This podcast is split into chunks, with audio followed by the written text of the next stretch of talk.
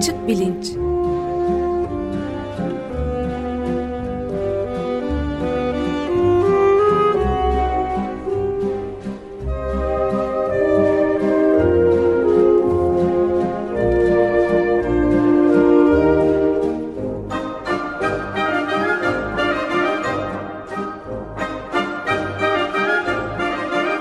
Güven Güzeldere ile bilim ve felsefe sohbetleri.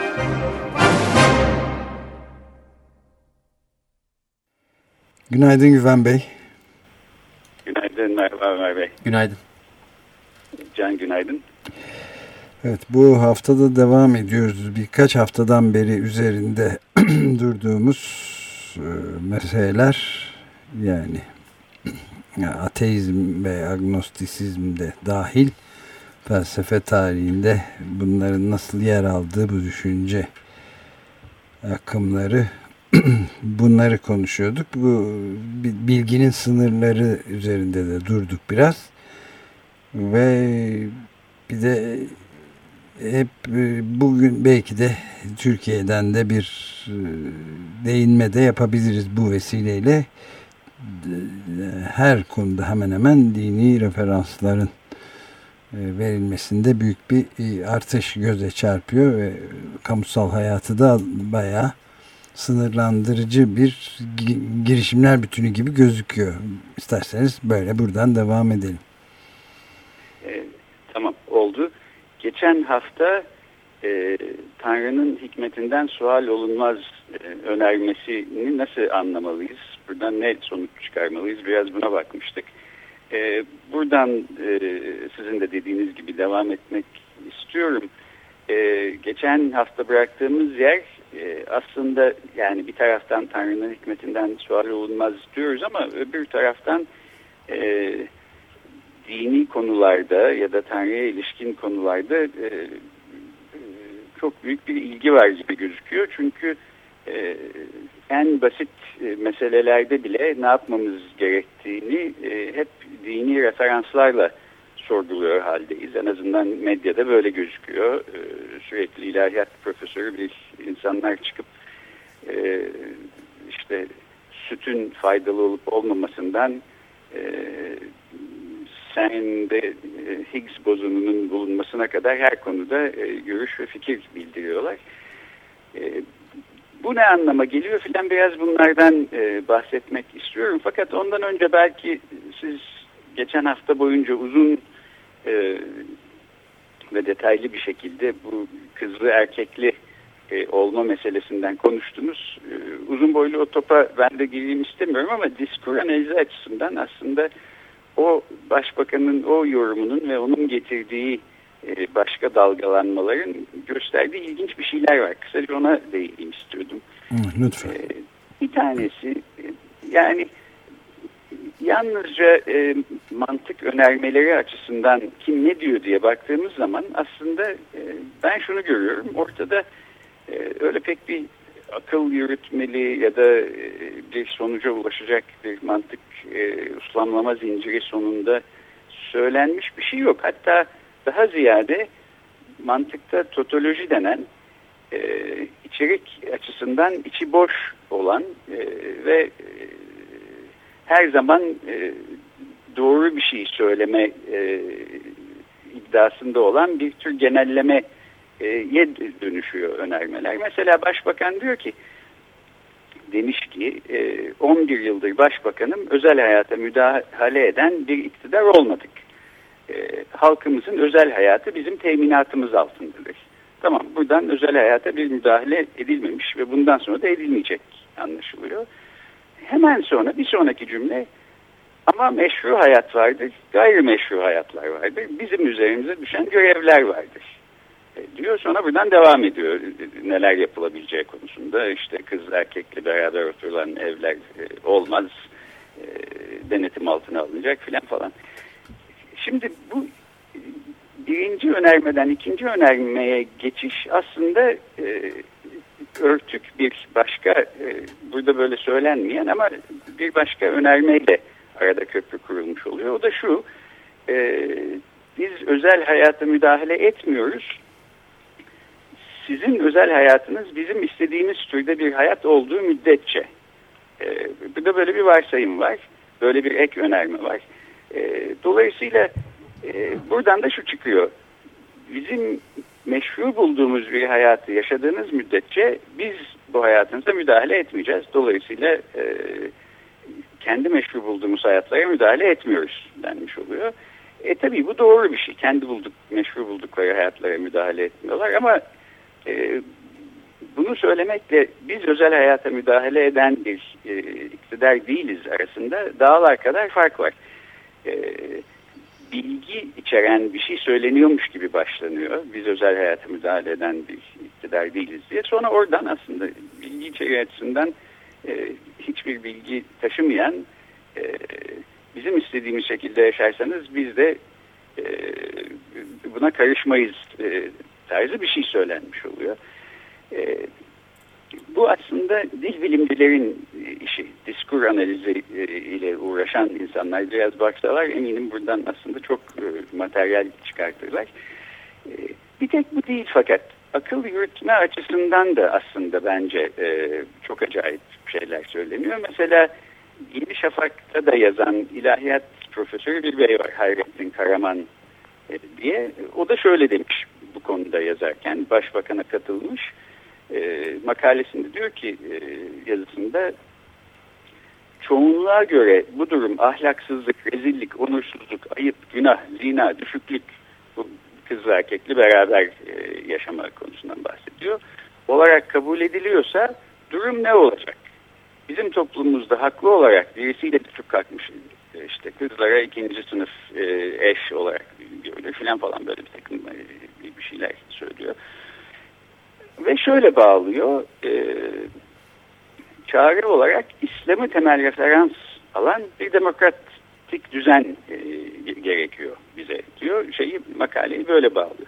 Şimdi buradan da nereden başlayıp nerede bitirdiğine baktığımız zaman aslında çok evleşenlik acayip bir şey görüyoruz. Başladığı nokta yani e, çoğunluğa göre ahlaksızlık, rezillik, şu bu filan gibi gözüktüğü için e, bu durum yapılmamalı, engellenmeli, denetlenmeli diye başlıyor. Burada aslında bir anlamda bir tür e, ahlaki re relativizme e, referans var. Yani çoğunluğa göre neyin doğru olup olmadığı ahlak açısından, neyin e, onurlu, onursuz, neyin ayıp e, kabul edilip edilmediği, ni eğer kendimize e, e, bir yol gösterici olarak alacaksak, e, şunu kabul etmek durumundayız. E, çoğunluğun fikri tarih içinde hep olduğu gibi bu konularda değişebilir, değişecektir, değişmiştir. E, değiştiği zaman biz de ona uyacağız. Eğer ahlaki durumları e, belirleyen şey çoğunluğun görüşüyse burada sanki bununla başlıyor bu, bu makale. Fakat daha sonra e, çağrı olarak İslam'ı temel referans e, alan bir düzen gösteriyor.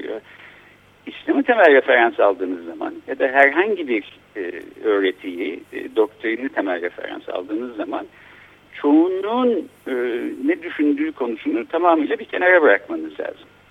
E, elinizdeki kitap ya da doktrin size ne söylüyorsa e, dünya yüzünde ona e, inanan son insansız kalmış bile olsanız onu savunmanız lazım. Dolayısıyla bir şekilde İslam'ı temel referans alarak e, gidecek olan bir ahlaki düzeni savunmak ve çoğunluğun ne dediğine bakarak e, bunun ışığında bir ahlaki e, yapıyı savunmak birbirine tamamıyla zıt şeyler. Fakat e, öyle gözükmüyor herhalde Hayrettin Karaman Bey'e.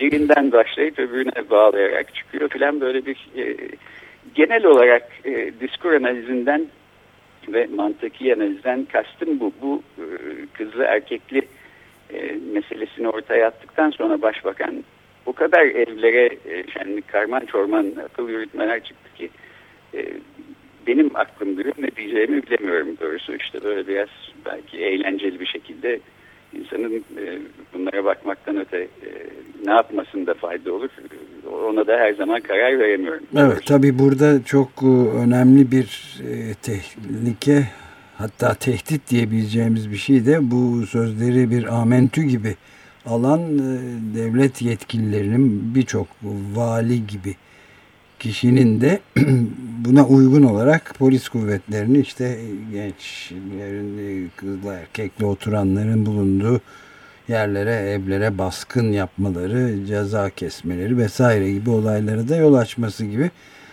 tarihte de daha önce örneklerine rastladığımız ama maalesef şimdi çok kaygı verici bir hal alan bazı uygulamaları da yol açıyor. En önemli tarafı da bir polis devletinin bu şekilde tehdit olarak karşımıza gelmesi olabilir herhalde.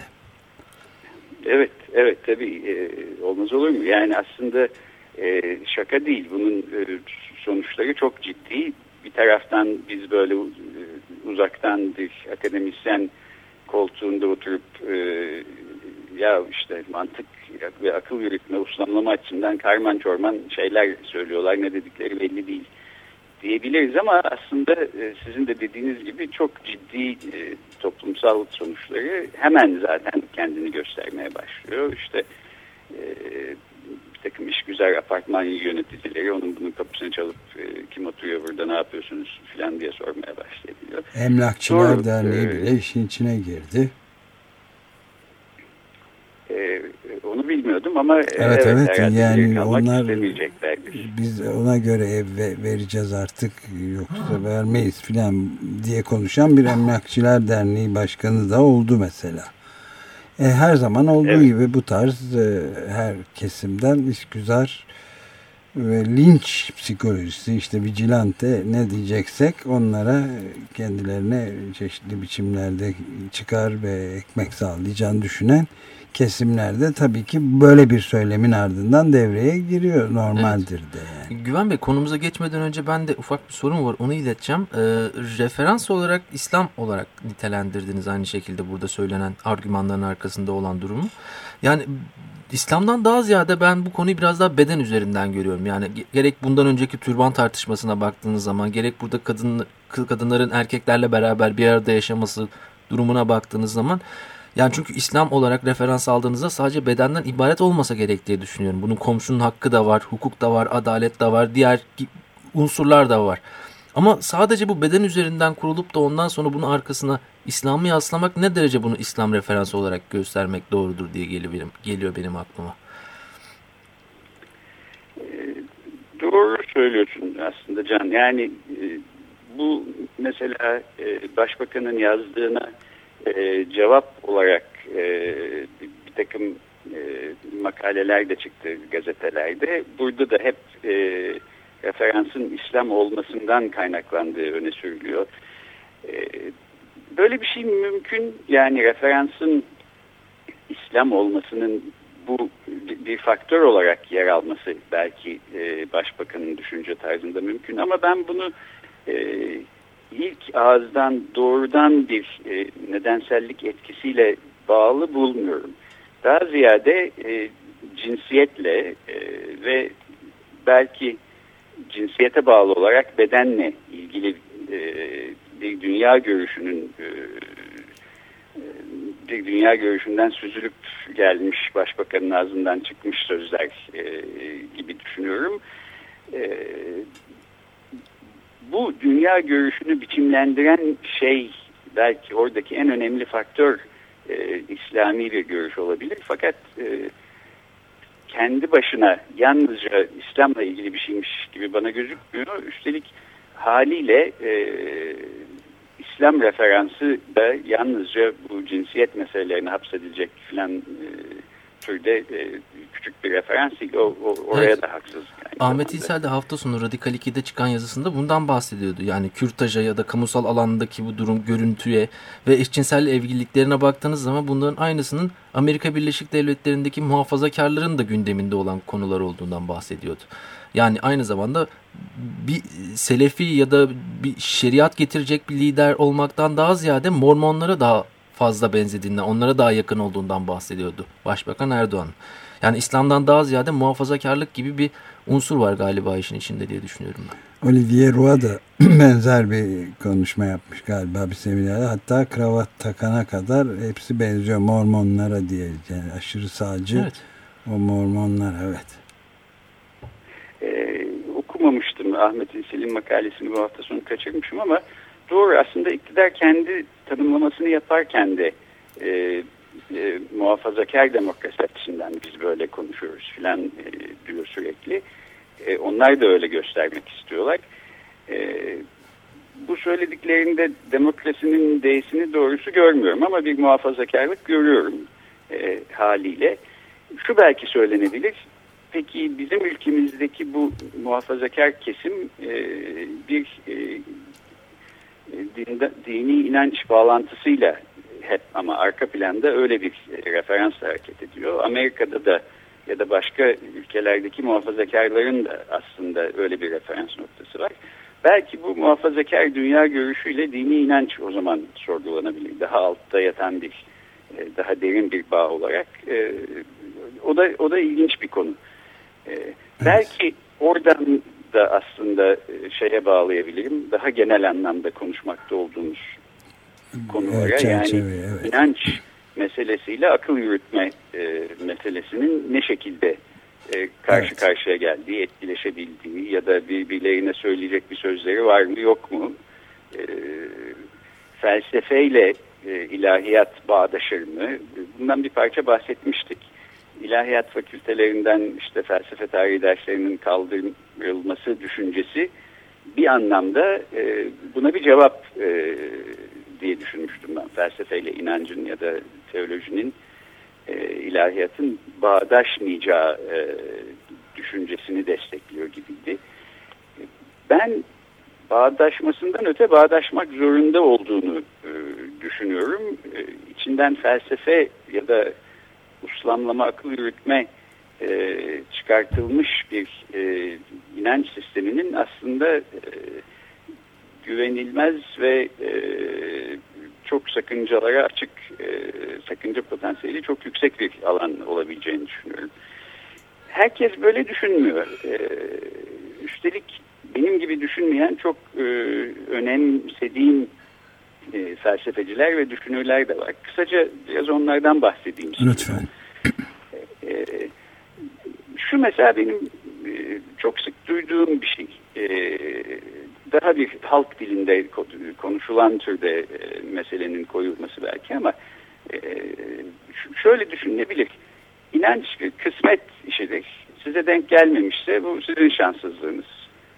Ama akıl yürütmeyle şunla bununla böyle küçük felsefi tedirginliklerinizle bizim karşımıza çıkıp inanç konusunu sorgulamaya çalışmayın. Size kısmet olmamış Olursa bir gün işte e, kalp gözünüz açılır o zaman her şeyi bambaşka bir ışık altında göreceksiniz filan.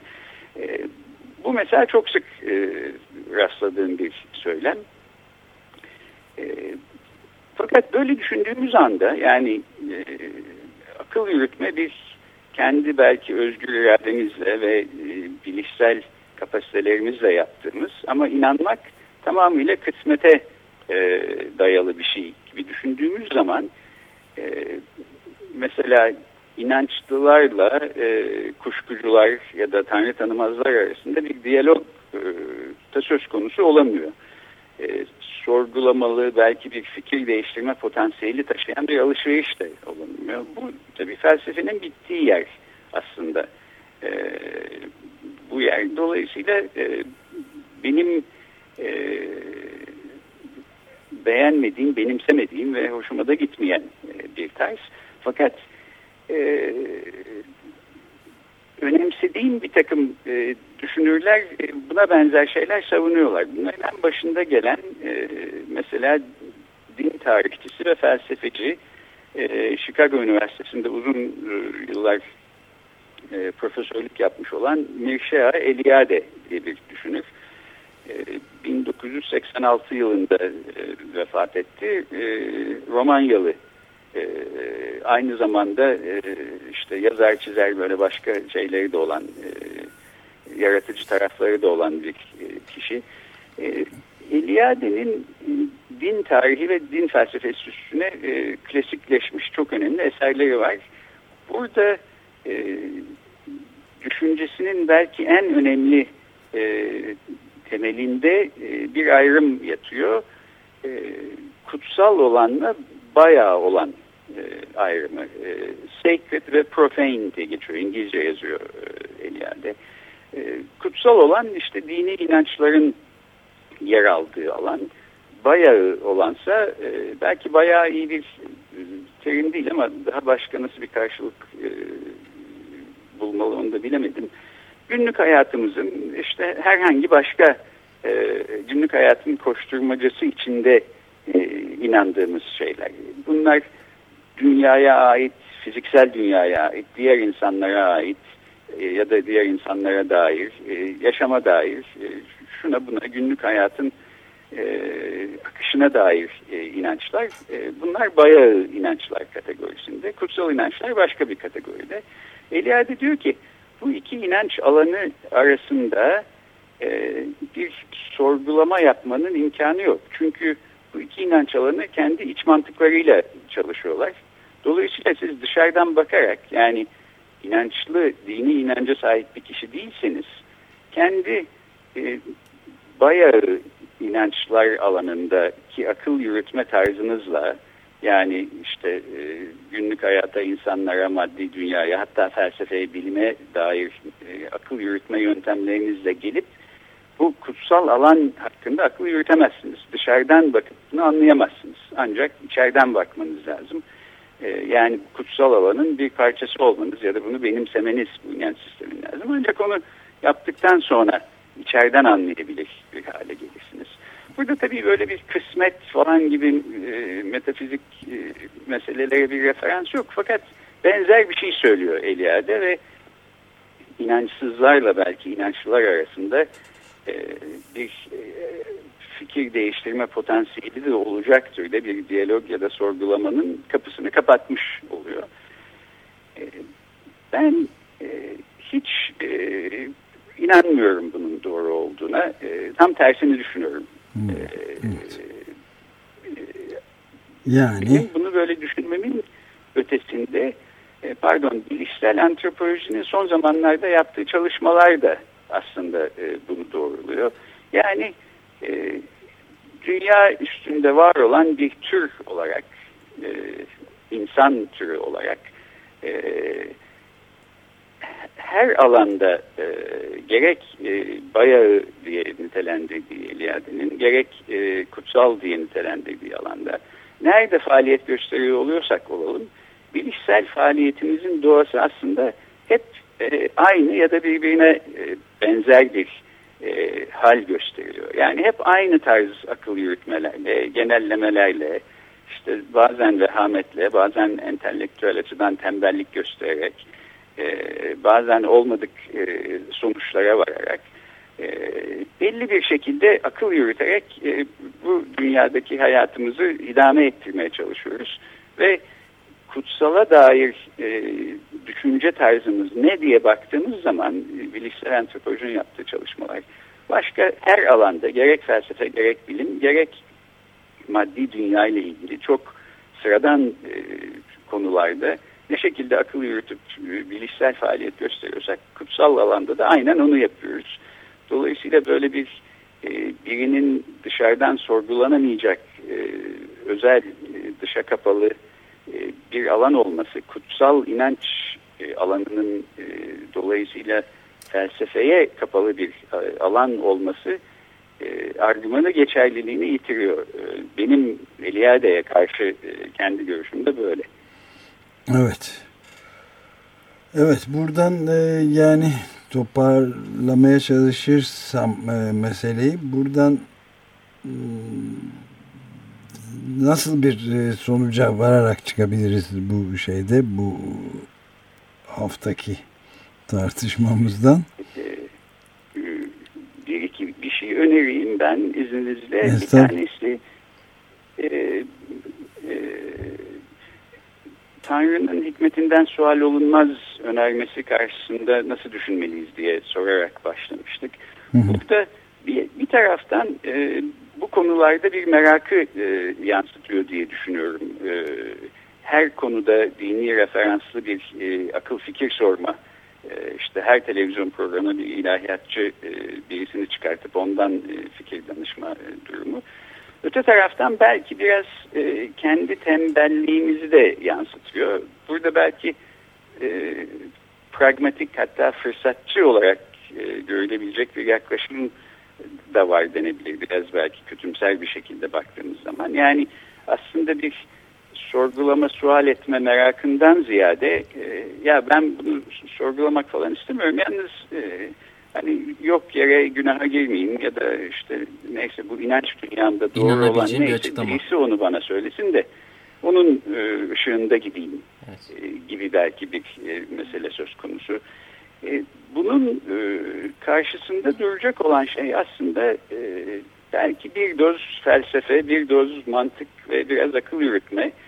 Bir de inançlı insanlarla inançsızlar arasında aslında bir diyalog olması. Ben bunu e, önemsiyorum ve bu anlamda da Türkiye'de ateistlerin ve agnostiklerin çok önemli bir rolü olduğunu düşünüyorum. E, bu küçük bir grup ve genellikle görünmez bir haldeler.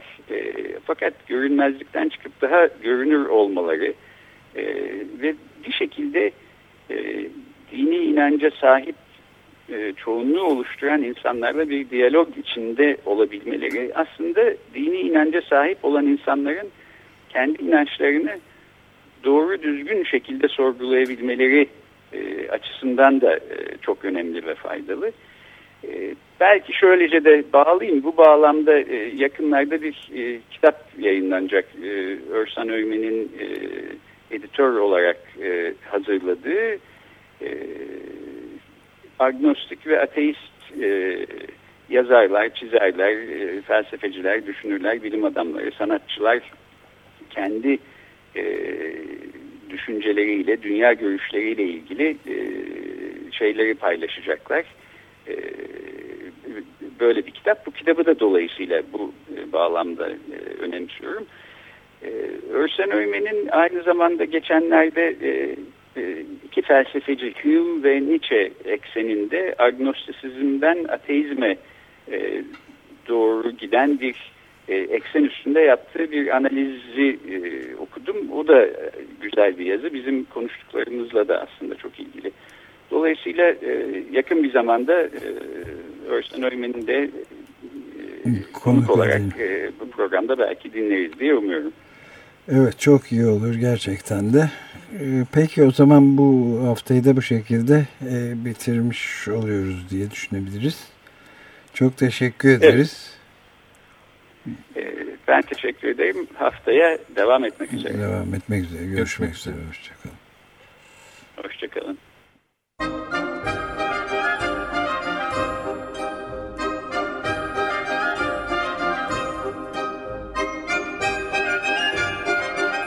Açık Bilinç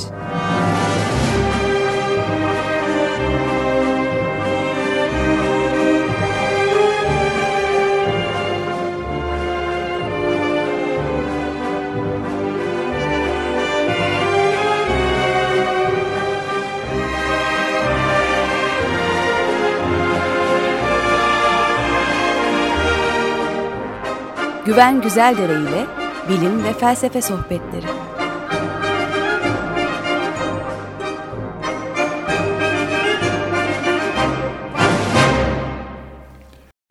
Radyo program destekçisi olun. Bir veya daha fazla programa destek olmak için 212 alan koduyla 343 41 41